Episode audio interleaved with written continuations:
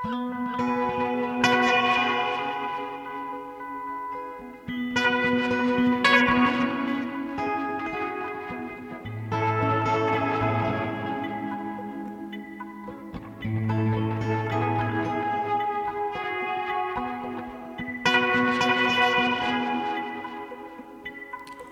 og sæl, kæru hlustendur, Jóhannes Óláfsson og Halla Harðardóttir hels ykkur úr hljóðstofu Víðsjár þriðdægin 20. júni.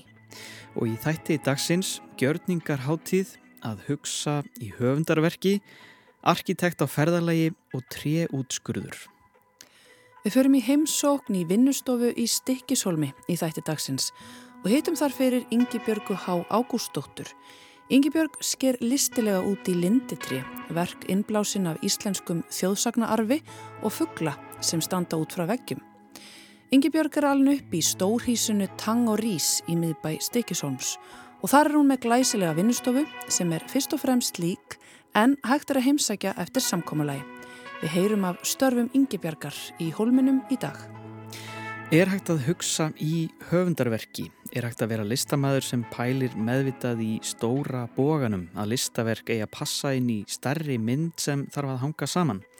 Þetta hljóma kannski undarlega, sjálfkverf, hugsun eða tilgerðaleg en í rittgerðasafninu Escape into Meaning frá 2022 er rittgerð um einmitt þetta að hugsa í höfundarverki heitir hún einfallega eftir bandaríska bladamannin, youtuberinn og listpælaran Evan Pushak.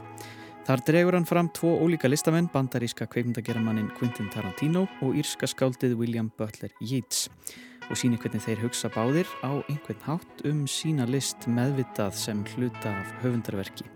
Við viljum að fletta aðeins í þessari aðtiklisverðu rittgerð hér á eftir. Og við förum í ferðalag með Guju Dögg, arkitekt, sem heldur áfram að deila með okkur ferðarsögu sinnum Bretanskagan. Að þessu sinni fer hún meðal annars á slóðir sjómannana sem sildu til Íslands frá leirugum ströndum Skagans. Aðalheiður Eisteinsdóttir myndlistakonna fagnar 60 ára afmæli í vikunni og ætlar af því tilefni að keira ringin í kringum landið með 60 gjörninga. Meðan í för verður hópur listafólk sem um taka þátt í gjörningnum sem verða fluttir á hinnum ímsu listasöfnum. Listin hefur alltaf verið samofinn lífi aðalheðar en margir þekkja hana sem aðalheði í Alþýðuhúsinu. Alþýðuhúsið á Siglufyrði hefur verið heimili hennar og vinnustofa síðustu áratugi og þar hefur hún staðið fyrir allskynns viðbörðum og síningarhaldi. Gjörningarnir hafa alltaf verið hluti af hennarstarfi en kannski er hún hvað þekktust fyrir tre skúldúra sína. Við Ringdum norður í morgun og spurðum aðaliði hvernig henni hafi dottið þetta í hug að keira ringin með 60 gjörninga. Það er þannig að hérna, ég hef nú haft mjög gaman að ég halda upp á stóraamæli mín uh, í umsóltið skeið núna. Það hófst þegar ég uh, var að verða færstug. Þá uh, ákvaði ég að setja upp 40 síningar í 14 eh, löndum á 40 dögum. Opnaði sem sagt eina síning á dag í 40 daga.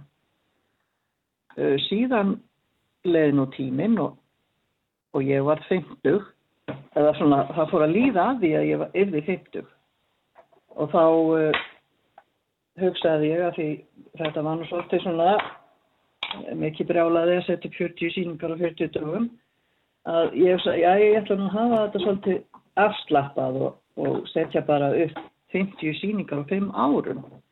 Svo ég byrjaði raun og veru þegar ég var 45 ára að halda upp á 50 samalið mitt og setti upp sem sagt 50 síningar á þessum 5 árum og lauk því á 50 amalistæmin í, í, í listakilinu Akureyri með 10 síðustu síningunum. En ég hafði náttúrulega ekki alveg áttam á því að, að þegar ég lagði á stað með það verkefni að þetta þýttu 10 stóra rengasíningar á ári sem var nú töluvert. Og eftir 50 síningar opnunina, þar sem voru fleiri hundru listaverk og skúrtúrar eins, eins og þú myndist einmitt á áðan að ég væri svona þekktist fyrir, en alls konar annars slags uh, myndlist í, bland við og fullt fullt af, af listafólki sem að, ég bauð til þáttöku í þeim verkum. Og eftir að þetta var allt saman sett upp að þá lofaði ég fjölskyldinu minni því að ég skildi ekki gera neitt álíka þegar ég er 60. Það þú greinlega mjög gaman eða skipilegja svona stóra og mjög flókna viðbyrði. Já, þetta er, það er nefnilega það sem er sko, það er alveg rosalega gaman að skipilegja þetta og, og ég hlakka eiginlega mjög mikið til sko við stefnum að ég að gera uh, svona stutta kvikmynd um ferðina og þannig Helena Stefansdóttir mun uh, taka upp og, og sjá um það og ég hlakka eiginlega meira til að sjá sko bíómyndina eftir að ferðina er búin heldur en að fara, en að fara í ferðina sem ég held nú reyndar að verði mjög skemmtilega líka En þetta er svo en, já, já, en það, það, það varð úr að, þegar að fóra að líða sextu samalinu að þá hérna, sem er nú bara eftir tvo daga 23. júni að þá uh, hugsaði ég sko að efna þetta lofur að setja ekki upp 60 síningar en ég gæti sett upp 60 gjörningar, það var svona hérna, eitthvað sem að, að, að mér fannst að það myndi vera einfaldara í uppsetningu og, og framkvæmt heldur en alltaf sett upp 60 síningar og það sem að gjörningar hafa verið stór hluti af minnilegt sköpun alltaf tíð að þá er það svona, uh, já þá er þetta svona eitt þátturinn í uh, öllu saman sem að mér fannst skemmtilegt að benda á og, og, og flytja. Og þetta eru 60 gjörningar á 6 dögum. Ætlar að fara hringin eða hvernig ætlar að framkama þetta? Já, ég ætla að fara hringin með landið á 6 dögum á lítillir rútu sem að ég keiri með, með, hérna, með mér í förverður uh, fjöldi listafólks sem að aðalega er nú fjölskyldan mín og, og, og vinir uh, sem að hafa verið að, að taka þátt í gjörningum með mér á undarfögnum árum ég er svona hópað, hópað að mér fólki í, í sagt, gjörningalist. Og, og þar er uh, hérna, þar er uh, til dæmis Arnaguðni Valstóttir, Ólöf Valstóttir, Aðstætt Tórsson Þóri Hermann Óskarsson Bráki Jónsdóttir, Tapnildur Ís, Valur Þóri Hilmarsson Þóri Ómarsdóttir, Harpa Björnsdóttir Helena Stefansdóttir, Arnar Ómarsson Hekla Björst Helgadóttir Freyja Reynisdóttir, Guðjón Ketilsson Ejólfur Ejólfsson, Tara Njóla Ingvarsdóttir, Silrún Una Guðlöksdóttir, Ástildur Magnúsdóttir, Tumi Árnason, Davíþór Jónsson, Arnasteit Friðbjarnason, Margret Guðnarsdóttir, Brynja Baldusdóttir, Andri Freyr Arnason, Valgjörður Jónsdóttir og Pétur Torfi Guðnarsson. Þetta er ekki smá fólk, hópur. Nei, allt þetta fólk mun taka þátt í gjörningunum með mér og uh, semur þeirra munu uh, setja upp uh, sína eigingjörninga sem að er hluti af dasgráni þannig að, að fólk þarf ekki að kvíða því að þetta verði allt saman hérna, gjörningar eftir mig heldur kemur tilbreytingin á milli með öðru listafólki. En eru þínir gjörningar sagt, tilbúinir eða verður þetta spontant, er þetta fyrirfram ákveðið, hvernig hugsaðu þessar gjörningar? Já, það eru allir gjörningarnir fyrirfram ákveðinir og ég sem sagt valdi að, að, hérna, að setja upp gjörninga í svona nánast, nánast öllum söfnum uh, sko í svona syngin kringum landið. Uh, bæði hérna, eins og safnasafninu á Svalbaströnd og uh, sem sagt við byrjum á listasafninu Akureyri, svo fyrir á safnasafnið, síðan fyrir við í safnahúsið á Húsavík, svo fyrir við herðubreið á Seyðisfyrði og svo förum við í, á djúpáðu, við sapnum hjá þeim. Og uh, síðan förum við uh, til Reykjavíkur og verðum á kjærvalstöðum, svo förum við í vatnasafnið og síðan förum við á söðfjársetrið og strandum og svona syngin, svona förum við á sensat, uh, já, listasafn afnesinga förum við líka. Við bendum bara þeim hlustundum á sem hafa áhuga að hérna, kynna sér þetta betur á á Facebook síðinu þinni, þar er þetta að fara yfir alla dagskrána ekki satt? Jú, Einmitt. og við munum líka setja inn myndir og svona aðeins eh, leifa fólki að fylgjast með. Já, jafnóðum. Það við höfum við að gera. En gjörningarnir eru allir sko þáttökugjörningar, meir og minna. Eh, það sem að fyrst og fremst hópurinn sem er með í för mun taka þátt í, en á mörgum stöðum verður uh, gestum og áhörundu líka búið að taka þátt í, í gjörningunum. Mm -hmm. þannig að og þeir eru, uh, gjörningarnir eru auðvitað allir þannig að það þarf lítinn til að svona aðbúnað og, og, og svo les þeir eru að setja upp á stað og stund og, og þarf ekki, þarf ekki undibúning eða, eða sagt, þannig að fólk þurfa að æfa sig fyrir. Þannig að þeir eru sjánsið svolítið spontant þó að þeir séu skiplaðið Virðist þið vera svolítið gott plan hjá þér þessi gjörningáttið? Takk að ekki alveg fyrir. Ég, það er náttúrulega það sem verður svo skemmtilegt og spennandi að, að hérna að láta reyna á hvort þetta gengur upp. Einmitt. við, erum náttúrulega alveg vissum það að við erum öll orðin brjálu hvort öðru í rútunni sko eftir tóta. Það verður gaman að sjá þessa mynd að lokum, að leikslokum. En hvað vonast þið svona að lokum til að fá út úr þessari ferð, þessari ammælisferð, þessari gjörningaháttíð? Bara skemmtilega uh, skemmtilega afmælisvillu í mhm. raun og veru. Og, það, og líka bara eh, hérna það er eitthvað sem að gerist þegar svona hópur að listafólki kemur saman. Þá magnast auðvitað upp ákveðin stemming og, og uh, ég efast ekki dum að það er eftir að gerast alls konar slutir og alls konar viðbyrðir á leiðinni sem að ég hef ekki skipilagt bara eh, hluti sem að, og, og viðbyrði sem að gerast af því að það er svo frábært fólk þarna með í för. Sem listviðbyrður list verður þetta bara mjög áhugavert og, og hérna, eitthvað sem að mun standa held ég áfram inn í framtíðina. Ég varst ekki um það, aðalheiður Eisteinsdóttir, takk fyrir að hérna, heyra í okkur hér í Vísjá og gangið vel á þessu gjörningaferðalagi og til hafmyggjum ammælið. Já, takk fyrir. Ég þakka kærlega fyrir spjallið en mér langar aðeins að minna fólk á að það eru allir velkomnir að slást í för bara á sínum eigin fórsendum. Að fylgja okkur eftir stað, stað frá stað. Einmitt. Gjörninga þýstir hlustendur getur bara tekið orðinu og eld ykkur allan hringin. Já, nákvæmlega. Flott. Takk fyrir. Bless. Takk fyrir. Bless, bless.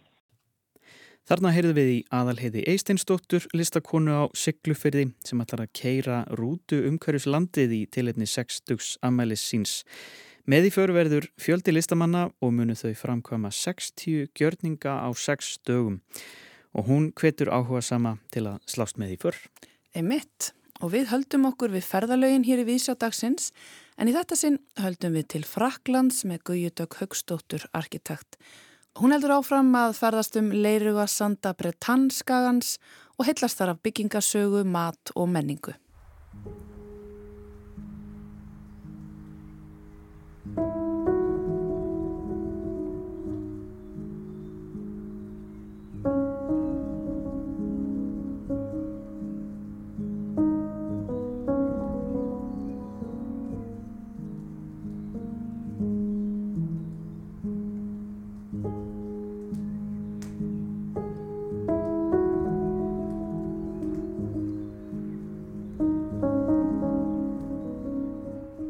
Eftir snurðulösa ferð um mjúka sveitavegi Normandi héradsins á norð-vestur hluta Fraklands blasir virkisborgin St. Malo við með heiminn háa varnargarða úr glitrandi granítstein. Ratapparatið á fína bílalegubílnum leiðir í blindni innum mikil úðlegt borgarliðið Grand Porte. Fyrir en varir er ég orðin aðþrengt mjög í örmjóum öngstrætum borgarinnar og neyðist að lokum til að skilja fararskjótan eftir á örlittlu torki en ganga þann spöl sem eftir er að hótelinu. Það er nokkuð þungbúið en hlýtt. Ég veit ekki enn að þetta magnaða borgarvirki á eins konar revi eða eigu í flóanum sem í grunninn eru sjálfskeipaðar flóttabúðir velsks munks að nafni Maklú á sjöttu öld, varð á miðöldum að frumstæðu bólvirki Pírata og setna tekið í nefið og hanna eftir kunstarnar reglum af þeim ágæta hernaðararkitekt eða Le Grand Architect Militaire Vauban hefur varist öllum þeim mörgu árósum sem hingað til hafa verið gerðar á það. Eða það er alveg þar til sprengjunum ringdi af himni ofan úr flugvélum þjóðverja í setni heimstyrjöldinni. Virki virka auðvitað aldrei enda laust. Ég veit það ekki enn en kemst fljótt að því. Seint Malóvirkið er ekki áreinlegt frá sjó þar sem það rýs upp af ljósu undirlægi sandstrandarinnar með kanónur í viðbragstöðu á útstæðum hornum brjóstvarnarinnar. Einegðar svartbyggðar kanónur sem fylgst hafa gömgæfilega með hafinu allt umhverfist það rýsa alltaf 5 metrum á flóði og þorna alveg upp á fjöru svo langt sem augað eigir, reglulega, tvísvar á dag, alla daga, öll þessi ár, allar þessar aldir. Á fullu eða nýju tungli og á jafndægrum að vori eða hausti eru sveiblu sjávarstöðunar hvað mestar og öldurnar lemja granítveggina með miklu offorsi án þess þó að fá nokkru áorkað öðru en andagt mannana sem verða vittni að látunum. Franski impressionistinn Claude Monet sótti innblástur í þessa brjálsemi eða kraft hafsins eftir langt tímabil þar sem efniviðurinn í málverk hans var sóttur í mildilega akra með flögrandi valmóakrónum og fínlegum frjókortum í lofti. Hann lýsir því í viðtali árið 1924, orðin gamal maður, hvernig hafið búi yfir alls endis óraunverulegum litum, þar sem það opnast líkt og heil dýpi fyrir framann þig og það sé nákvæmlega á því augnabliki sem maður átti sig á sjálfum sér. Ægi fegurðin sem náttúruöflin búa yfir rýfur vissulega í upplifanir og tilfinningar hið innra ólíkt yfirborskendum svipmyndum á áreinsluleusum þægjendum og reglufestu. Ljósi samfluturinn í kringum virkisborgina St. Malo er brotin upp af dökkleitum skerjum og þegar fjarar út opinberast stórir flákar af bláskel sem hefur komið sér fyrir í glöfum og krumpum skerjana. Þar glittir líka í glitrandi perlu kvítar skellur frá ostrum sem eru hér ekki lengur en hafa yfirgefið neðri helming skelljar sinnar sem situr eftir pikkfastur við undirlægið. En bláskelin er í góðum málum. Það likur við að manni finnist hún vera við það að bresta í söng eins og mannmargir kórar og stóri fjöldasamkomu svo vel virðist henni líða þarna á endalösri ströndinni.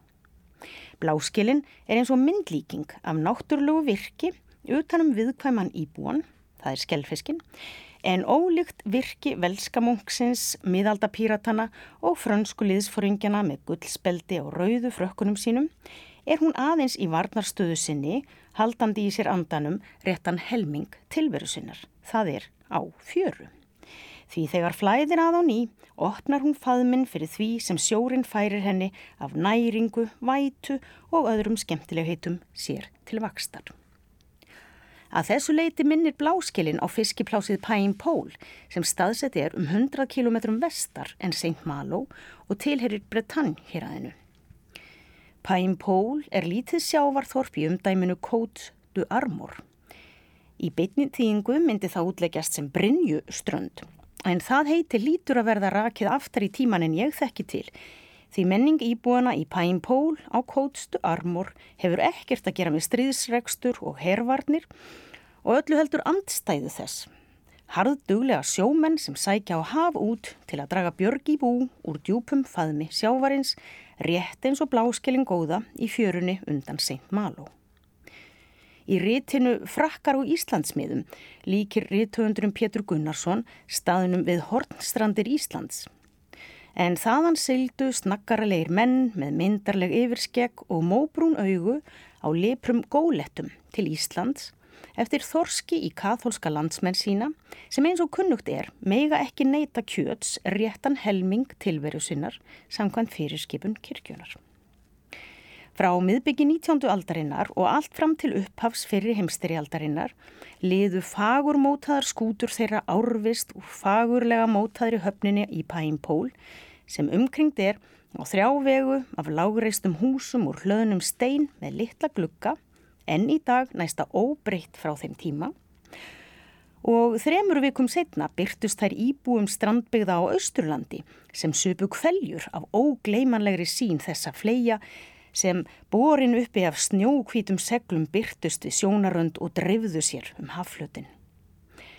Reithundurinn Þórbergur Þórðarsson lýsir upplifun sinni sem ungur maður. Sjórin var kvítur af logni og heiminin kvelftist yfir honum fagur heiður og eilítið dimm blár. Þetta var áreðanlega einmánadar heiminn. Það var þó ekki hann sem ég góndi á og ekki heldur sjórin. Það var frönsk skonnorta sem honum þótti alveg yfirnáttúrulega fögur. Frá sjónarhóli bretónana frá Pæn Pól var kannski annað upp á tening þar sem þeir upplifðu að þeir hefðu oltiðin í ríki dauðans með snæfið þækin fjöll og gróður vana undirlendi.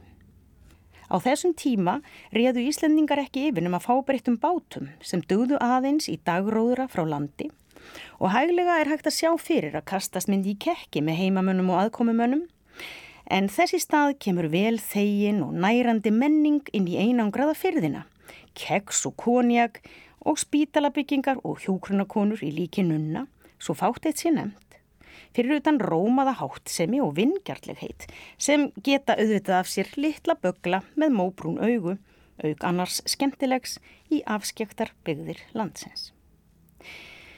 Þráttur umurlegar aðstæður fransku sjómananna, tíð skipströnd og ótaldauðsföll er þeim þó hlít til landsmanna og eitt þeirra, Yves Leroux, lætur eftir sér hafa í íslensku bladaviðtali þá komin á gamals aldur.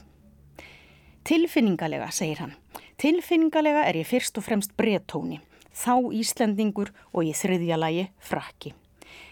Ef ég gæti tekið með mér trén, þá fær ég til Íslands til að deyja. Til hinnar áttarinnar, í um 200 km fjarlag til austurs frá St. Malo, er fiskiplásið Onfleur. Onfleur, eða húnaflói, eins og staðurinn er nefndur í norrannum teksta frá ornu þúsund, er staðsett þar sem áinn Signa rennur endanlega út í haf eftir langt ferðalag sitt frá París og austar enn frá Burgundi í innsveitum Fraklands. Árósar Signu hafa frá Örófi verið umsetnir og litnir girndar auga driftugra manna en steinin sló úr í hundraðóra stríðinu þegar endalösir bardagar á milli englendinga og frakka lituðu langt tímabil ófriðar á þessum slóðum. Litla sjávarþorpið Honfleur var þannig undir yfirráðum englendinga með reglulegu millibili á 14. og 15. öld og það var alfarið á þeirra ábyrð að gamla domkirkjan sem stóð nálagt höfni var jöfnuð við jörðu. Við fyrsta tækifæri sem gafst settu íbúar hins fámenna þorps allt undir til að bæta hafnarmannvirkið þannig að það mætti standast frekari árásir englendinga og þannig aðtökaðist það að steinnin úr kirkjunni var nýttur í virkisveggi og ný kirkjubygging reist í kvelli að þessu sinni alfarið í tre sem gnægð var af í grendinni. Nú er on flör alveg einstaklega fallegu smábær með einstaklega heilegri og lifandi bæjarmynd sem hverfist um vel afmarkað rými gömlu hafnarinnar Vjö Bassing með litrík mjó og tiltölla háhús frá 16. og 17. öld sem speiklast á kyrrum dögum í höfninni á henn ljóðrænasta hátt sem dreyður að sér margamálara impressionista tímabilsins. Kirkjan Eglís sænti Kateríne sem byggð var í kjölfar steinkirkjunar sem nýtt var í varnaryrkið við hafnarminnið er alveg sérstök. Ekki bara er hún ein af örfáum trekirkjum í Fraklandi, heldur er hún bæði elst þeirra og stærst, en fyrst og fremst er hún sérstök fyrir þær sakir að hönnun hennar og bygging var lögð í hendurnar á þeim ágætu bátasmiðum sem uppi voru í sjávarþorpinu um miðja 15. öldina. Að innanverðu líkist domkirkjan helst gríðarstóru skipi á kvolvi með kirkjuskip úr dökku burðarvirki úr tre og andrumsloftið eftir því töluvert öðruvísi en í öðrum kirkjum frá svipuðum tíma. Í dag er hún að auki skreitt þvers og kruss línum með liðskrúðugum skipsfánum með tilheyrandi dulkóðaðri samskiptamerkingu tengda sjósókn í bland við marjustettur og tilheyrandi eins og til að undirstryka mikilvægi samfélags sjómana þvert á lönd. Tunglið góða minkar sem óðast á heimninum en tilfinningarnar sem bærast í brjóstinu eru ekkert á undanhaldi fyrir það.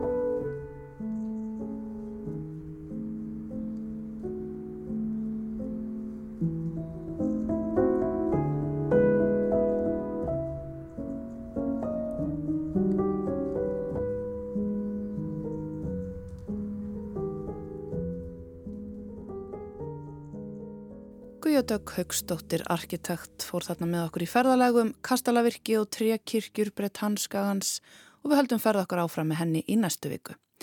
En þá að rítgerðum höfundaverk og franst orð sem erfitt er að bera fram.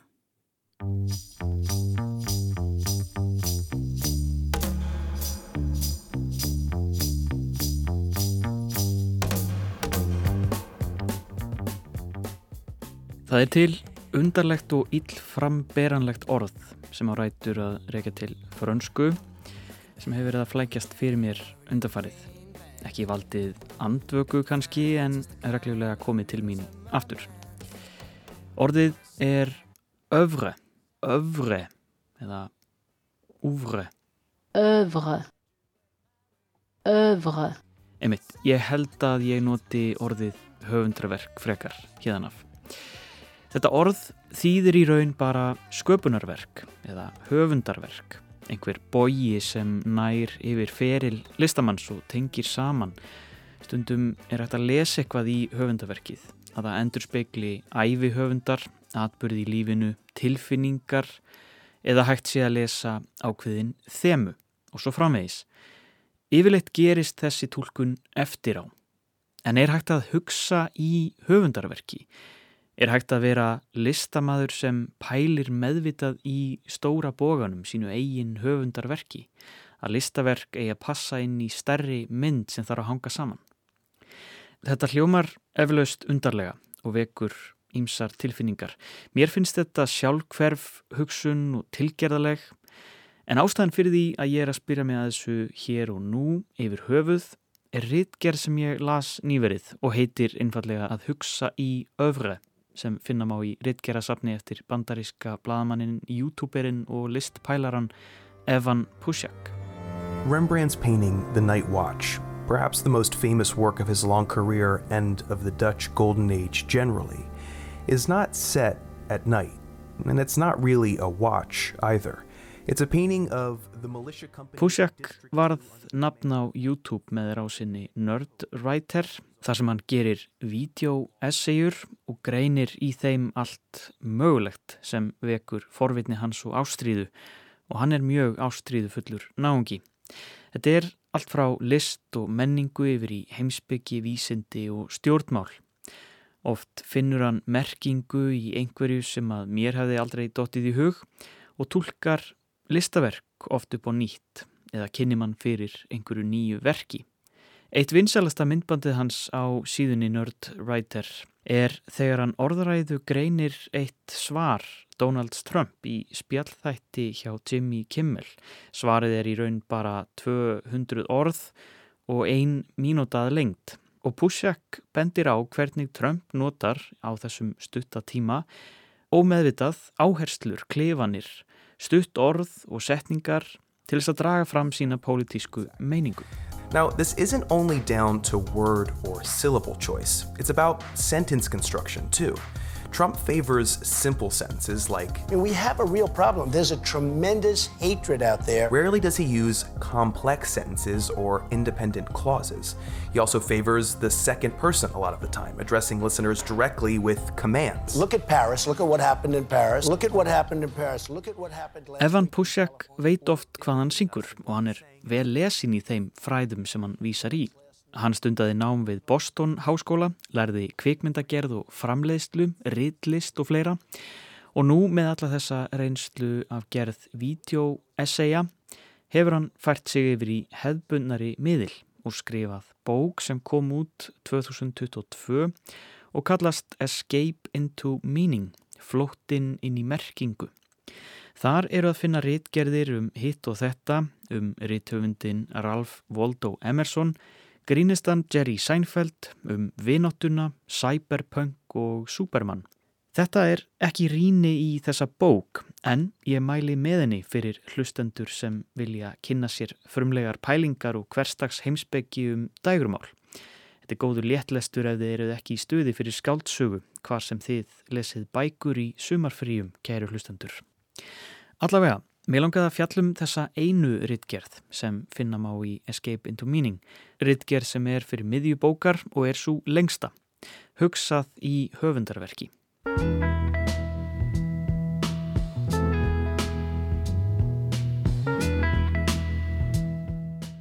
Evan Pushak byrjar því að vísa til þess sem hann þekkir hvað best, kvikmyndir, og nefnir bandaríska leikstjóran Quentin Tarantino. Það er kvikmyndagera maður sem hugsar í höfundarverki, segir Pushak. Tarantino er auðvitað sérstakur náungi, gerir kvikmyndir sem leika sér að sjanre myndunum, með óteljandi vísunum í kvikmyndasöguna og hann sjálfur er algjör kvikmyndafræði alfræði orðabók. Og hann er auðvitað orðið risanapn í Hollywood eftir um 30 ár í bransanum. En hann hefur sagt að núna með nýju kvikmyndir í sinnileik stjórn á bakinu Tarantino lítur á Kill Bill 1 og 2 í raun sem eina mynd og svo tíunda, eða tæknilega séð 11. verði jáframt svo síðasta. Það er höfundaverkið. Að hafa frelsið til þess að gera svona lagað í Hollywood segir margt um velgengni Tarantinos og fer þvert gegn einhvers konar grundvallareglu um velgengni í Hollywood. Um leið og þú kemst innfyrir í partíið, þar segja kvikmyndabransan, ættur að reyna að dvelja þar þánga til einhver skipaðir að fara, skrifar Pusek. Sumir segja að Tarantino sé með þessu að blöffa, reyna að trekja aðtikla að sér, skapa skort á sjálfum sér. Hversu margir reyna að komast inn í Hollywood-partíið en komast aldrei? Aðrir komast inn en er vísa strax út aftur. Fáir fara óumbeðinir og ennfæri eru beðinir um að vera áfram. Það er það sem Tarantino er beðin um hér. You're saying you got 10 movies in you? And this is it after 10? That's kind of. What are you talking about, Quentin? Well, it's kind of the idea. I mean, look, I, I'll give myself a little wiggle room. It could be 11, but I doubt it's Okay. going to be. tw- But I doubt it's going to be 12 or 13 or What? 14. You know, uh, um, I don't want. I'm probably only going to make 10 movies, so I'm already planning on what I'm going to do. You do know, you said that. this, and you're gonna. Are you seriously only Oh, gonna I, do that's why I'm counting them. That's why I, the got eighth film two by more Quentin left. Tarantino. Yeah, two more left. Yeah. Why? I want to stop at a certain point. I don't. Uh, um, I, s- I, I, I, But what would you do ne- then?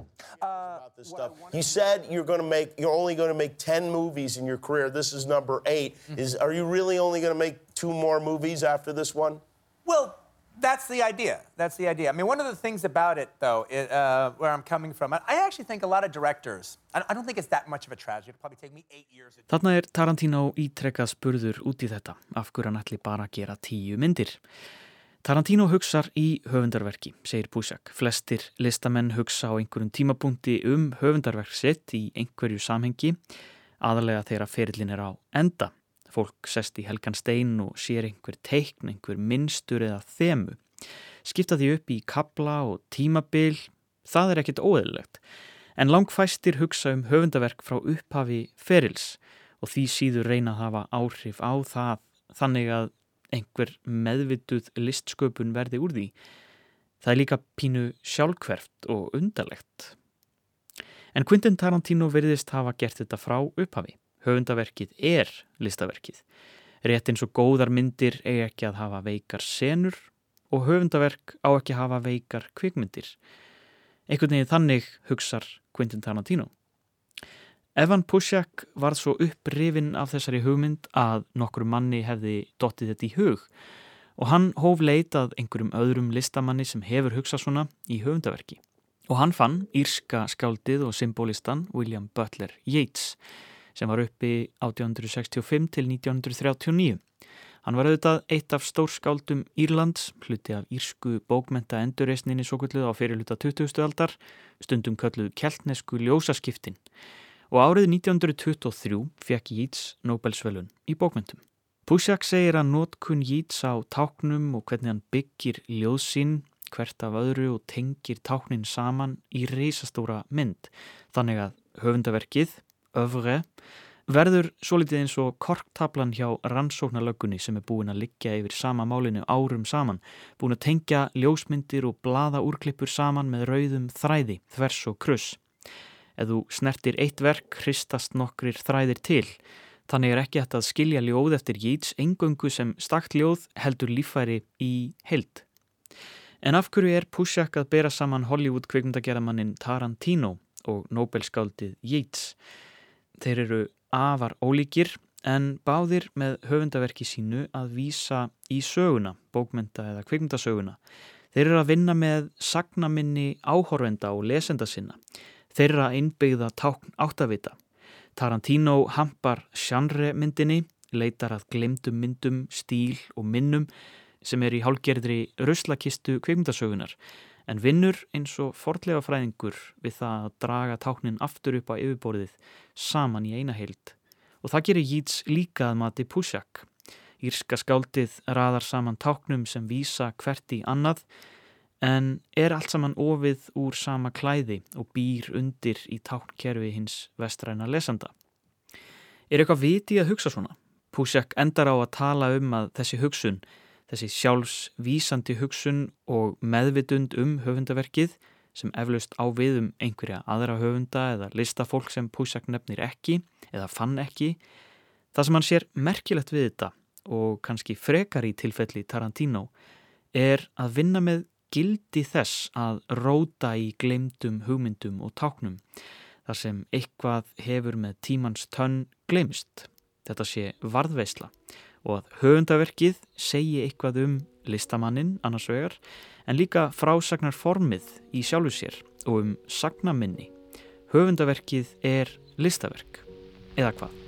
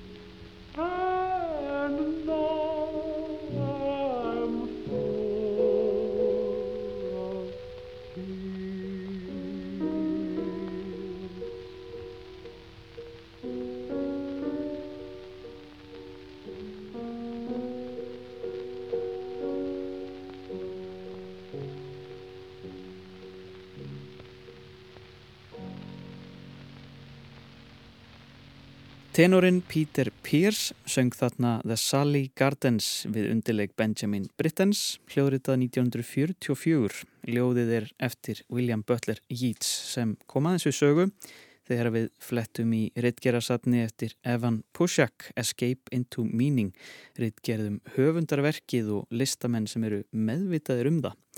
Þetta er sérstök pæling og alls ekkert endarleg umfjöllun hér. Ég mun kannski halda áfram að skoða þetta hugtak, öfre, svo ég slátur þessum framburði aftur. Já, þú dágetur því, Jónas. en þá hugum við að tre útskurði í miðbæ Stikkisholms þar sem að stendur sögufrækt stórhísi sem heitir Tang og Rís, mert með stóru skildi.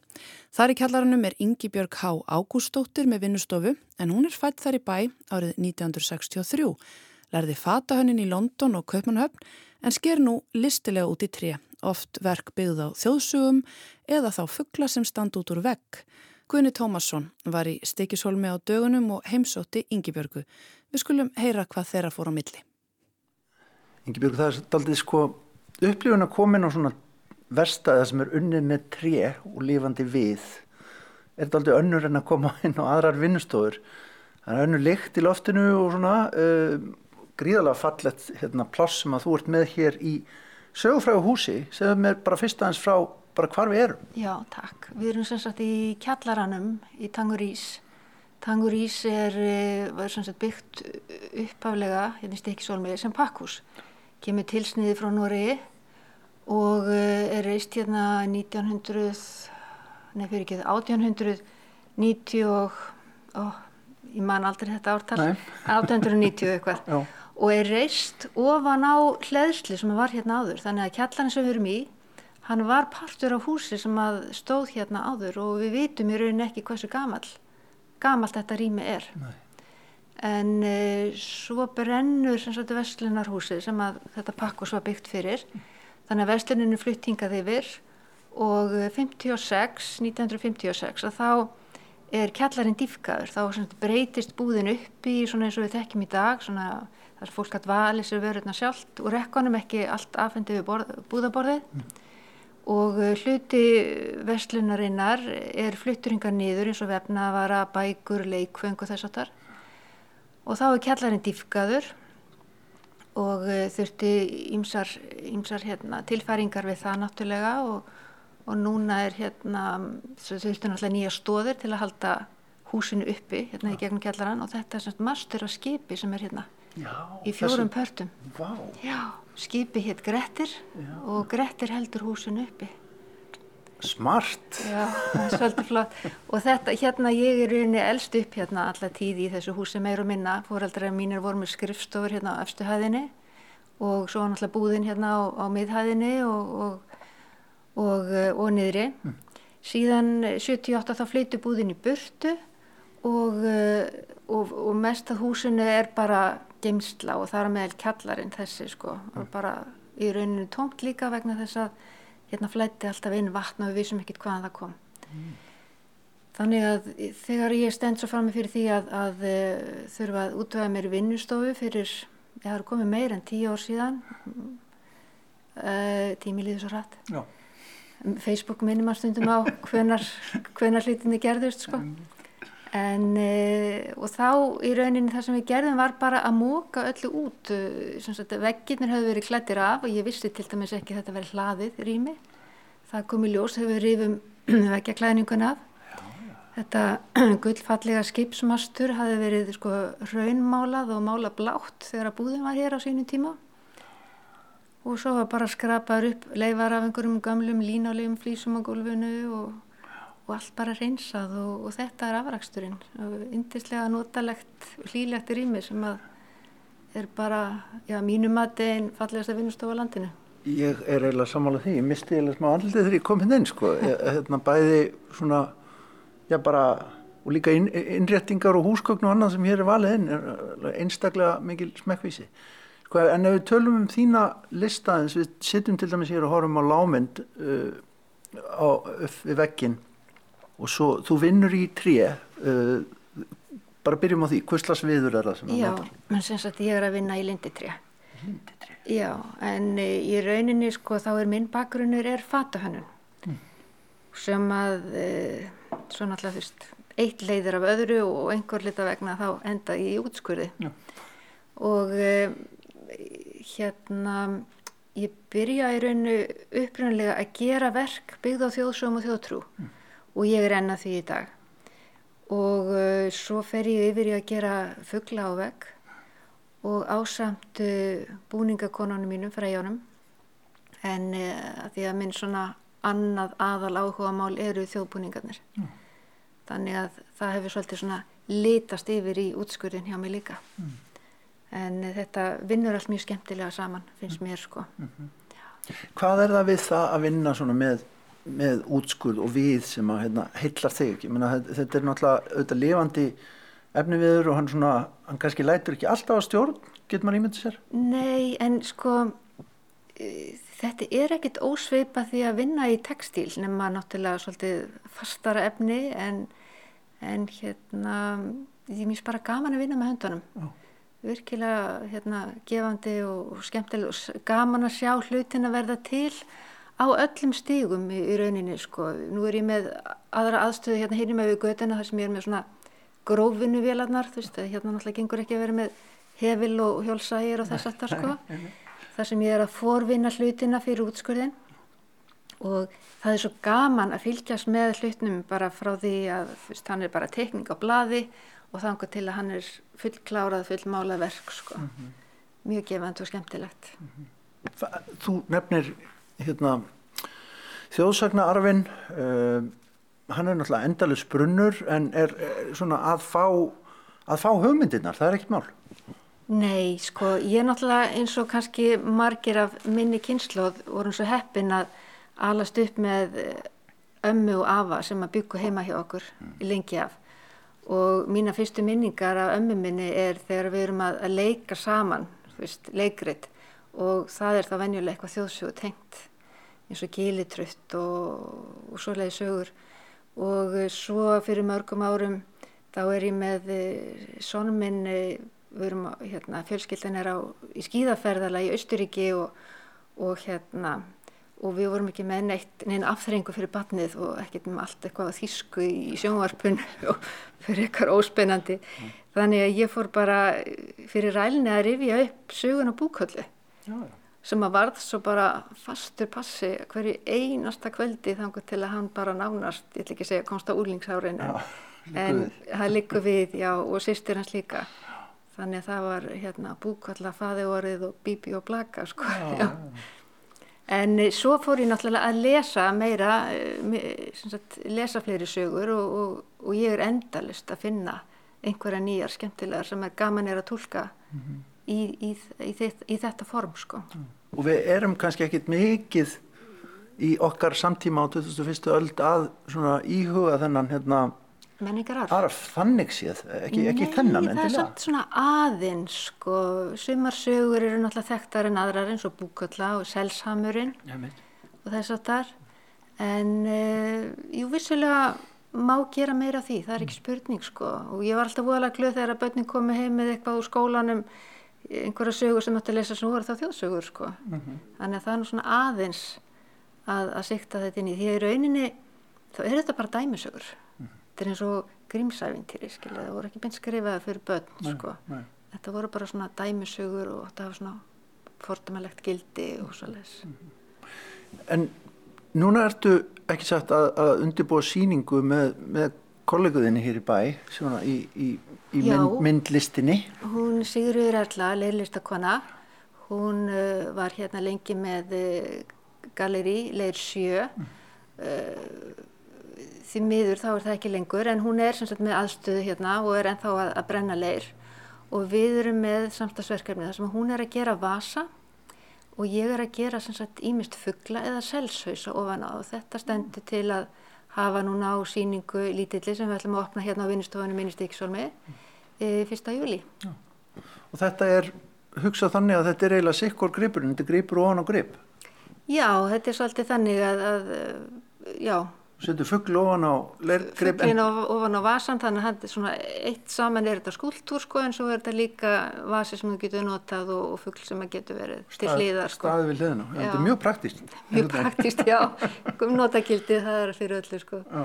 Já. en svona við kannski að lokum sko áhugi fólk svona á þessu, þessari vinnustofu og því að koma hinga til þín ég, ég kom hérna, það, engin formlegur opnunatími, bara bankaði en, en það, það er örglega ekkit ægilega vinsælt. En, en, en það er hægt að koma hérna svona eftir, eftir samkomin lægi. Já, ekki, ég er sem sagt að því ég er ekki með það sem heitir sko galeri, heitir vinnustofa. Já, og hérna er ég náttúrulega að vinna og, og það er svolítið erfitt ef að fólk er alltaf að koma svona eitt og eitt eða eitthvað mm -hmm. þannig Pyrrandi útastmenn. Já, nákvæmlega. En það er alltaf velkomið að hafa samband ef fólk eh, á leiðum eða mm -hmm. vil koma og kíkja þá er alltaf velkomið að taka mótið því. Mm -hmm. En annars eru ekki fastir opnunatímar nema í kringum síningar. Já, já. og núna er, núna er síning framöndan eins og segir, fyrsta júli. Já, fyrsta júli, já, akkurat. Það var mikið um að vera í hólmennum, það var búningadagurinn sko. Já, búningadagurinn er... Já, búningadagurinn eða skottúan eins og við kvællaðum það hérna er hátíð sem við hefum verið með í Stikksólmi komin örgla meira en 15 ár síðan. Að það byrjaði hjá okkur þá var sagt eh, hefðinni svo að þeir sem að mæta á þjóðbúningum þeim hefur búið í kaffi frít uh, í Norska húsinu. Ah. Já Nú er einhver breyting að verða á í Norska húsinu en, en það verður áfram og, og fólk getur sagt, fengið kaffi víðar í hólmunum. þetta er svona tækifæri að koma saman og sjá fylgta fólki á flottum íslensku þjóðbúningum. Og nota búningin, áttu búning? Ég á marga búninga, já. Þú ert marga? Ég hef búin að gera það öruglega alla, sko, já. Þannig að þetta er svo skemmtilegt handverk. Já. Og hvað er það sem að þér finnst spennandi við að glæða upp á þennan hát? Ég veit það ekki, þetta er svona, svona halda í þennan menningararf eins og þjóðsögurnar okkar og uh, já, gaman að sjá líka þegar að, að hérna, listamenn og, og hönnuðir taka þetta áfram og gera það sín, skiliru. Mm. Svo þessi lifandi arfur? Já, já, þó að þetta sé vissulega og, og hérna, og, og svona ákveðin þjóðbúninga hefðu allt það, að, eh, að þá, er, þá er gaman þetta sín notað áfram og haldið lifandi þannig. Takk kærlega fyrir að taka á mótið mér og takk fyrir spjallið. Já, takk fyrir kominu bara.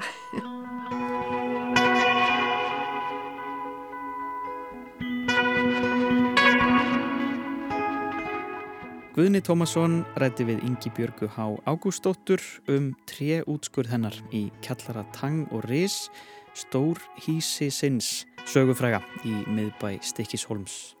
Já, og þá eru við komin að leiðarlókum í þætti dagsins. Takk fyrir samfélgina í dag. Við verðum að sjálfsögða aftur hér á morgun. Verðið sæl.